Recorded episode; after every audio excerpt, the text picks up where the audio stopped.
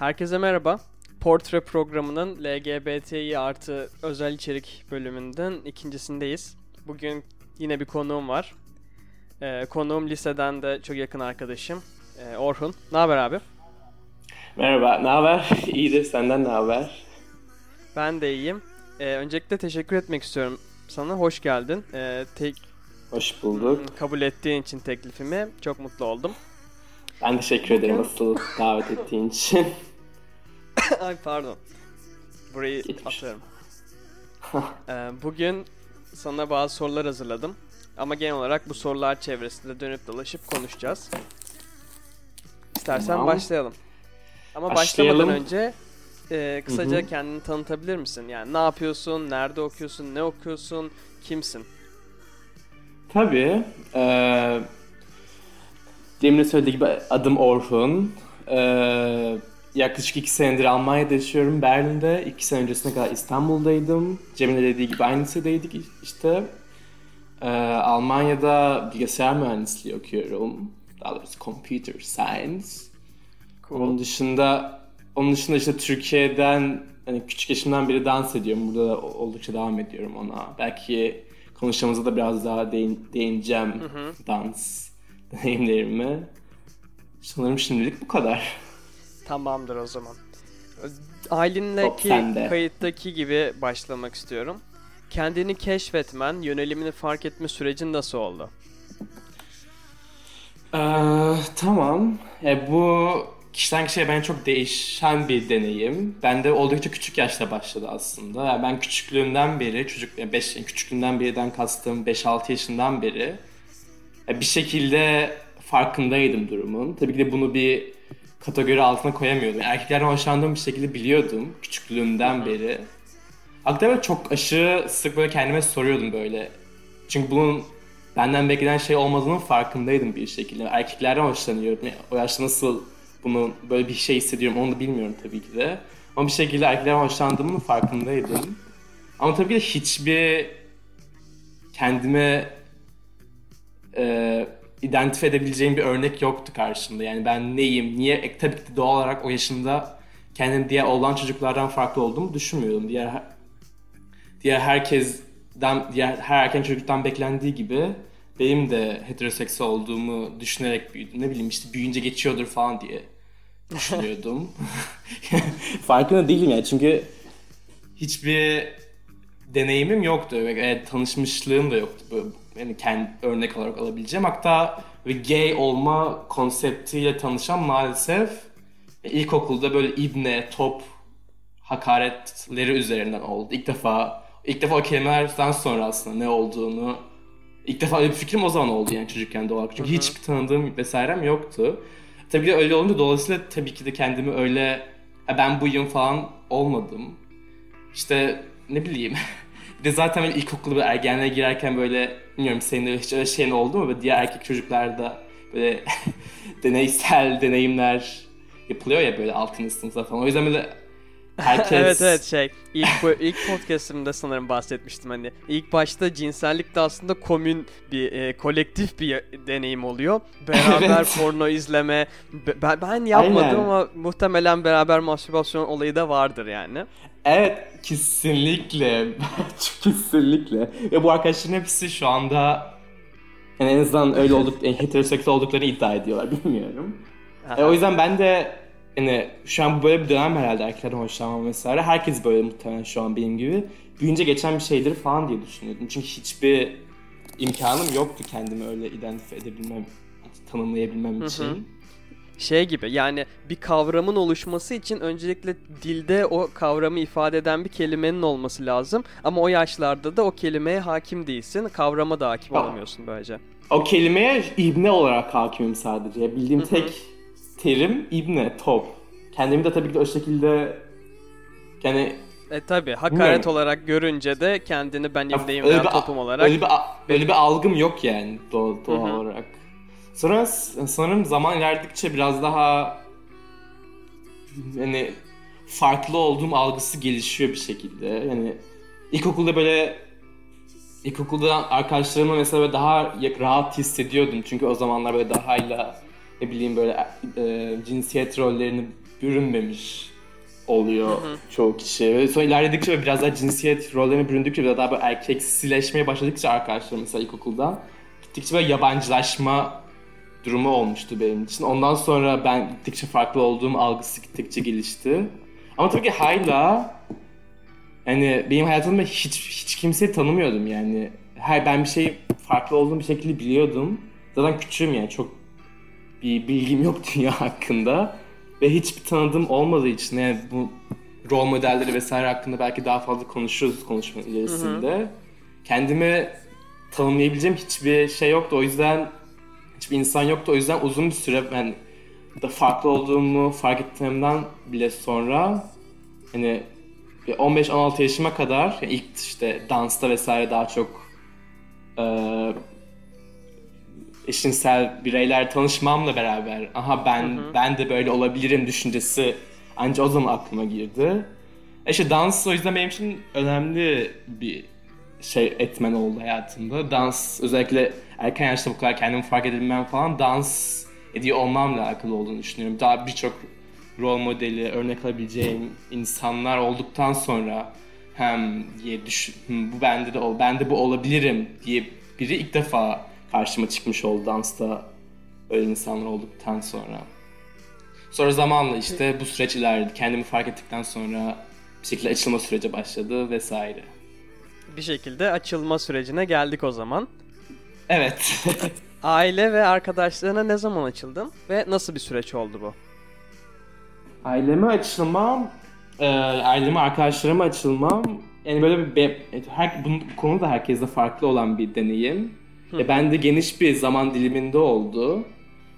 E, şu şekilde başladı. Danstaydım zaten ve dansta en iyisi bence hiç zaman böyle açılmadım aslında. Herkes benim bir şekilde olduğum gibi gördü ve kabul etti ve bir şekilde açılma gibi bir ortam gerekli bile olmadı hiçbir zaman. O yüzden bir şekilde gayri, yani gayri resmi bir şekilde açılmış olmuştum dansa. Daha hiçbir arkadaş, başka hiçbir arkadaşım açılmamışken bile.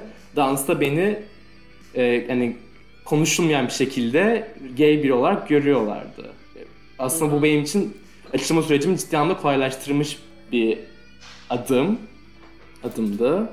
Ama ona rağmen aslında beni böyle hala görmeleri ama ben hala kendimi bu dönemde bile gay, ben gayim.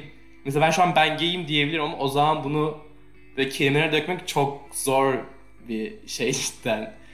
Ne zaman ben bir e, biriyle yakınlaşmaya başladım yine danstan. Böyle gay biriyle biraz daha yakınlaşmamız oldu. O zaman oh, ben gerçekten yani gerçekten için senin diyebilmem. Ha böyle günlüğüme falan yazıyorum kendi bu, bütün bu şeyleri. Orada onları okuyunca şu an daha iyi hatırlayabiliyorum. Mesela şey benim böyle e, bir, bir olay var. Aslında çok saçma muhtemelen dinleyince ama benim için aşırı önemliydi ve çok heyecanlanmıştım. Böyle biri mesela vegandım ben işte o zamanlarda belki hatırlıyorsundur. Evet evet hatırlıyoruz hatırlıyoruz. bir vegan etkinliğe gitmiştim bir arkadaşımla beraber. Ama hala açık değilim tam o zamanlar. Hiç kimse kendimi daha tam kabul etmemişim. Sonra işte e, katılan insanlardan birisi sevgili misiniz diye sordu. O arkadaşım önündeyken. Ee, ben de işte değiliz işte benim tarzım biri değil falan dedim. Ama bu benim için hayat aşırı önemli bir adım. Çünkü hayatımda ilk defa biri bana gay olduğumu varsayarak bir soru sormuştu. Ben bunu inkar etmem bunu inkar etmemiş olmam bile benim için böyle aşırı büyük bir adımdı. Sonuçta gayri yani indirekt olarak birine açılmış oldum böylece. Gay oldum inkar etmeyerek. Mesela ondan sonra hayatımda ilk defa gayim ben kelim cümlesinde işte ailene kurmuştum. Yani o cümleyi hayatımda ilk defa birine ailene söylemiştim. Ondan sonra zaten işte ailene bahsettiği bütün süreç başladı. Ee, Peki. Sonra ailem, aileme arkadaşlarımdan bayağı ha. sonra, ailem dediğim annem daha doğrusu. Hı hı. arkadaşlarımdan bayağı sonra açıldım. Ee, yani iyi karşı, yani rahat, o da anneme açılmam da rahat bir rahat bir süreçti diyebilirim. Peki açılmak anlattığın gibi senin için büyük bir olay mıydı peki? Ee, kesinlikle. yani açılmak bence her türlü büyük bir olay. Çünkü her şeyin yanı sıra yani zaten dediğim gibi kendini kabul etmek, kendini fark etme varmak çok ciddi ve büyük bir süreç. Açılmak bunu böyle üstüne olan süs gibi bir şey. Yani süs, süsleme gibi. İşte onu tamamlayan Hı-hı. Şey olarak Hı-hı. görüyorum ben. Çünkü başka insanları seni öyle tanıyıp seni o şekilde de tanımlamaları bambaşka bir tat cidden. Yani o zaman ve, ve hayatım boyunca kendi daha kendimi kabul edememişken başka insanların bile seni kabul etmeye başlaması cidden bambaşka bir haz haline geliyor. Yani o zamanlar düşünce böyle çok heyecanlı geliyor. İşte her açıldığım yeni insanda böyle aşırı bir adrenalin, aşırı bir mutluluk patlaması yaşıyordu. Öyle heyecanlı zamanlardı. Güzel bir deneyim o yüzden, aslında. Evet aslında yani güzel olarak tanımlamak biraz çok göreceli ve garip ama kesinlikle sonucu güzel olan bir süreç sonuçlanması. Peki az önce de bahsettiğin gibi bir rol modelin oldu mu? Ee, rol modeli e, bence bu cidden çok önemli bir konu. Ee, cidden sorum, insanların sorumluluk olarak görmesi gereken bir konu olduğunu düşünüyorum.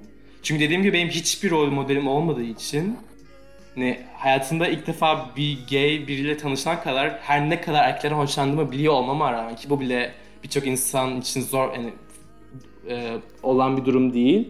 Ama erkeklerden hoşlandığım bir şekilde farkında olmama rağmen ben bunu kendimde yani gay olduğum gerçeğini fark edememiştim. Ta ki dansta işte birkaç insanlarla tanışana dek. Ki onlar da rol modeli demek ne kadar doğru bilmiyorum. Çünkü ben böyle yol gösterme gibi bir durumları olmamıştı aslında. Sadece benimle konuşuyorlar. Yani sadece bir arkadaştık. Ama bu bile benim için hayatımda bambaşka bir sayfanın açılmasına sağla yani birini anlamak, biriyle bir şeyler paylaşmak çok önemli bir konuda. Yanlış anlamadıysan mesela ailenin rol modeli sendin ilk başlarda. Evet öyle evet onun gibi bir durum. Aynen öyle.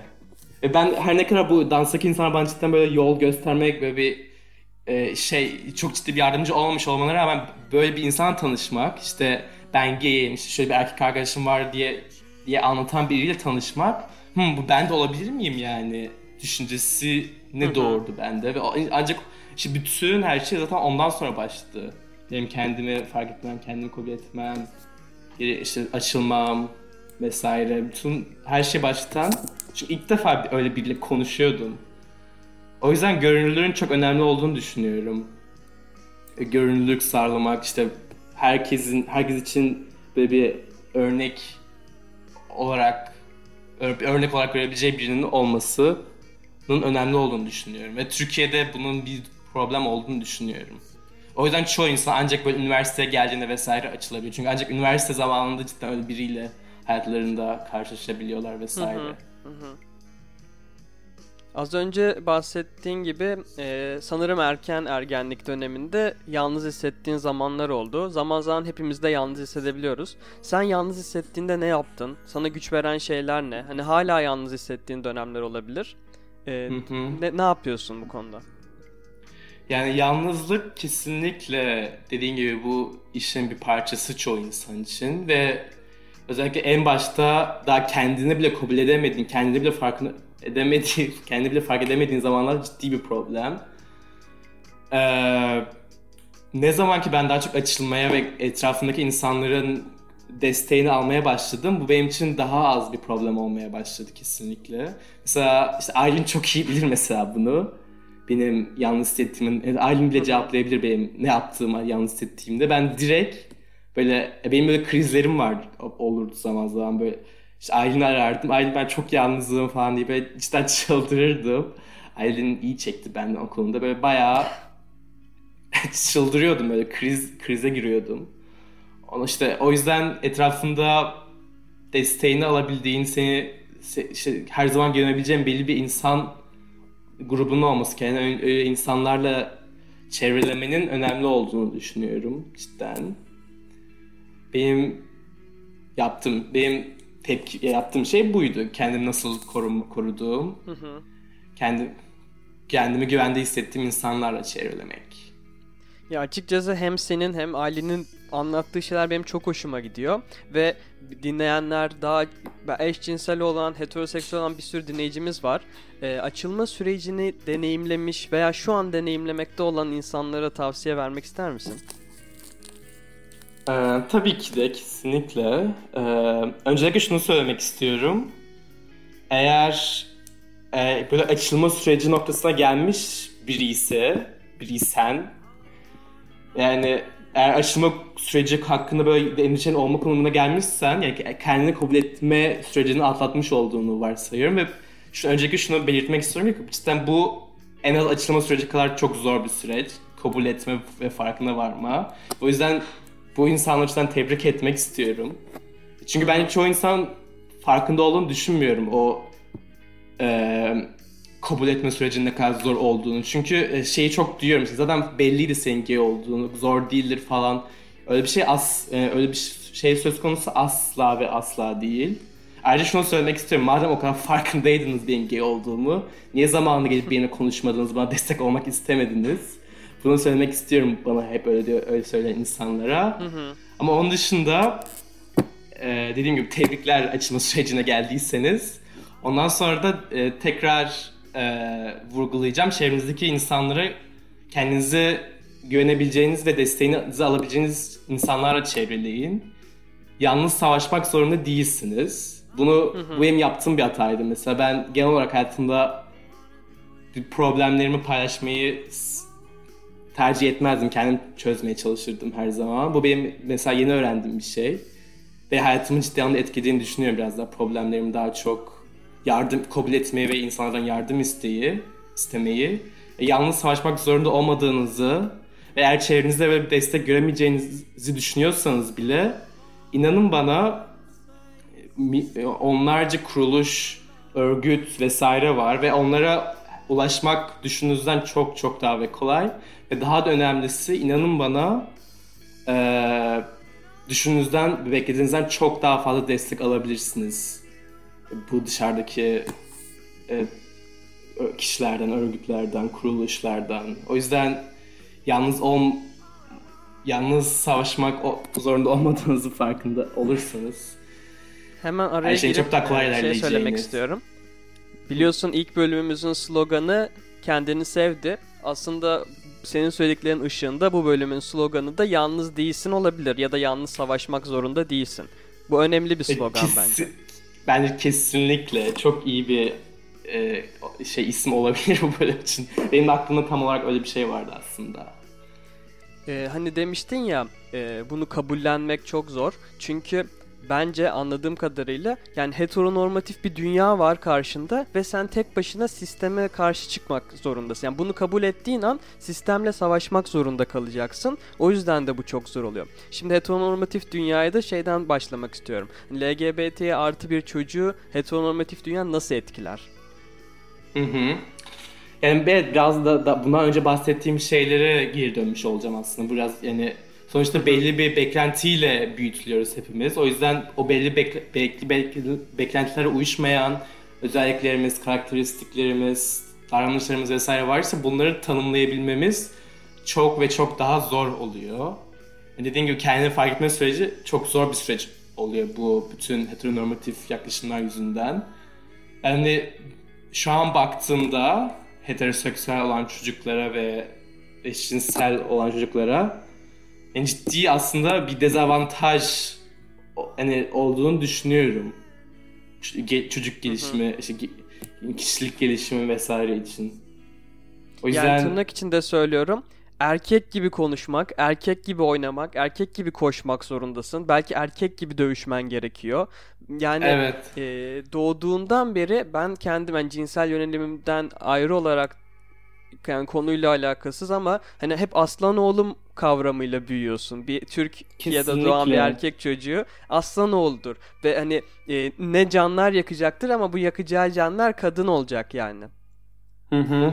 Yani ve bu tür bu tarz şeyler her zaman çok açık olmayabiliyor. Mesela benim ailem beni aslında o kadar böyle çok erkeksi değerlere önem vererek yetiştirdiklerini düşünmüyorum. Ama sadece aile değil, tüm çevre, ilk, ilkokulum, arkadaşlarım, arkadaşlarımın aileleri, bütün bunlar kültür, okuduğumuz kitaplar, bütün bunlar ciddi anlamda etkileyen etmenler gelişimi. O yüzden büyük bir dezavantaj oluyor aslında sonuç olarak baktığında. Ben öyle düşünüyorum en azından. Peki bir LGBT bireyin Türkiye ve Almanya'da yaşadıkları deneyim ne kadar farklı? Sonuç olarak ikisini de deneyimledin, birini hala deneyimliyorsun. kesinlikle. Yani ciddi, kesinlikle çok çok farklı. Yani farklı olmasının birçok nedeni var. Hem kültür, hem yani ülkenin sosyal bulunduğu konum. Ya ben buraya geldiğimden beri ki her ne kadar Türkiye'de aslında çevremin kıyasla rahat bir çevre olduğunu düşündüğüm için çok özgür olduğunu düşünsem de buraya geldiğimden beri aslında asıl özgürlük neymiş onu yani burada burada fark ediyorum. Onu Tabii onu yani görece görece özgür bir çevrede. Yani lisede açılabildin sen ve lisede e, kimliğini gizlemedin. Hani birçok e, Türk genci lisede hatta kim zaman üniversitede bile kimliğini gizlemek zorunda kalabiliyor. Evet. Kesinlikle. Yani e, burası kesinlikle çok daha özgür birçok açıdan. Yani kültür de çok farklı. Mesela burada insanlar çok çok daha fazla bireysel. Yani hani Türkiye, Türkiye'de çok şey hali var ya. Böyle herkes illa herkesin bokuna karışacak. Herkes her şey böyle maydanozlu olacak falan. Her şey her, herkes böyle, her şeyi bilecek. Aynen aynen. Burada hiç öyle bir durum yok. Böyle herkes aşırı bireysel. Hatta benim için bazen zor bir durum oluyor. Herkesin bu kadar bireysel olması. Herkes böyle e, kimin ne yaptığı umurunda değil. Eğer beni ilgilendirmediği sürece herkes ne yaparsa yapsın falan kafasında. O yüzden pek insanlar umursamıyor. Yani bunun da bir etkisi olduğunu düşünüyorum burada. Yani tabii ki de birçok açıdan daha ileride, çok daha önce başla, birçok başla, çok farklı. Çok çok farklı olduğunu düşünüyorum. Bir de mesela Berlin'de özellikle hissettiğim başka ilginç bir şeydi. Ben böyle Türkiye'de böyle özel hissediyordum bir şekilde. Böyle ilk böyle açılma sürecini atlattıktan sonra ben böyle işte gay çocuk böyle özel hissetme halim olduğunu fark ettim buraya geldikten sonra. Hı hı. Çünkü buraya geldiğimden beri herkes böyle gay olmak neredeyse normal kelimesini kullanma kullanacağım bir şey burada. Ve burada artık böyle özel olmamak mesela ilk başta beni garip hissettirmişti. Tabii ki biraz konuyla alakasız. Ama bu da mesela ilginç bir gözlemimdi benim. Onun dışında yani cidden konumların farklı olduğunu düşünüyorum genel olarak Amerika, Almanya ve Türkiye'nin. Yani Türkiye'deki asıl problemin bilinçsizlik olduğunu düşünüyorum. Mesela Almanya'da daha az ama Amerika'da vesaire böyle daha negatif bir yaklaşım varken Türkiye'deki asıl sorunun e, ciddi anlamda bilinçsizlik ve bilgi cahillik olduğunu düşünüyorum. Yani insanların hı hı. fikri yok ne oldu hakkında. Yani tamamen bilinmezliğin verdiği bir korkma hali var Türkiye'de bence daha çok. Bu benim kendi görüşüm. Amerika'da ise böyle daha konservatif insanların ciddi anlamda yani durumdan durumun farkındalar. Bu duruma karşı negatif bir yaklaşımları var ve bence bu daha zor bir durum aslında. Türkiye'deki bilinçsizlik daha yani belli açılardan savaşması daha kolay olduğunu düşünüyorum. Yani en azından benim gözlemlerim yönündeydi. Yani Türkiye'nin olumlu olduğu, yani kısmen olumlu olduğu bir konu ya değinmek gerekirse. Ee, yani Türkiye'de dediğim gibi bilinçsiz. Mesela evet, mesela ben daha şanslıydım dediğim az önce de senin de dediğin gibi lisem yabancı bir liseydi. Daha modern hayat tarzını benimseyen insanlar vardı. Ama ben yine de çoğu insan o kadar bilinçli olduğunu düşünmüyorum. Yani tabii ki çok daha küçük problemler çoğu insan problemleriyle karşılaş, karşılaştırınca ama ben mesela ben lisemde açıldığımda o kadar çok insan bana gelip şey dedi ki e, hiç böyle tanımadığım insanlar e, alışveriş çıkar mısın benimle? Birlikte alışverişe gidelim mi falan tarzı yorumlar aldım. çok o kadar çok yani 3-4 defa almıştım böyle yorumlar. O yüzden yani, yani iyi güzel bir noktaya değindin. Benim stereotip soruma gel- gelelim o zaman. Bu yani bütün bu süreç içerisinde seni bir stereotipe soktular yani. Bu konuda ne düşünüyorsun? Ee, kesinlikle özellikle Türkiye'de mesela burada o hiç rastladığım bir şey değil.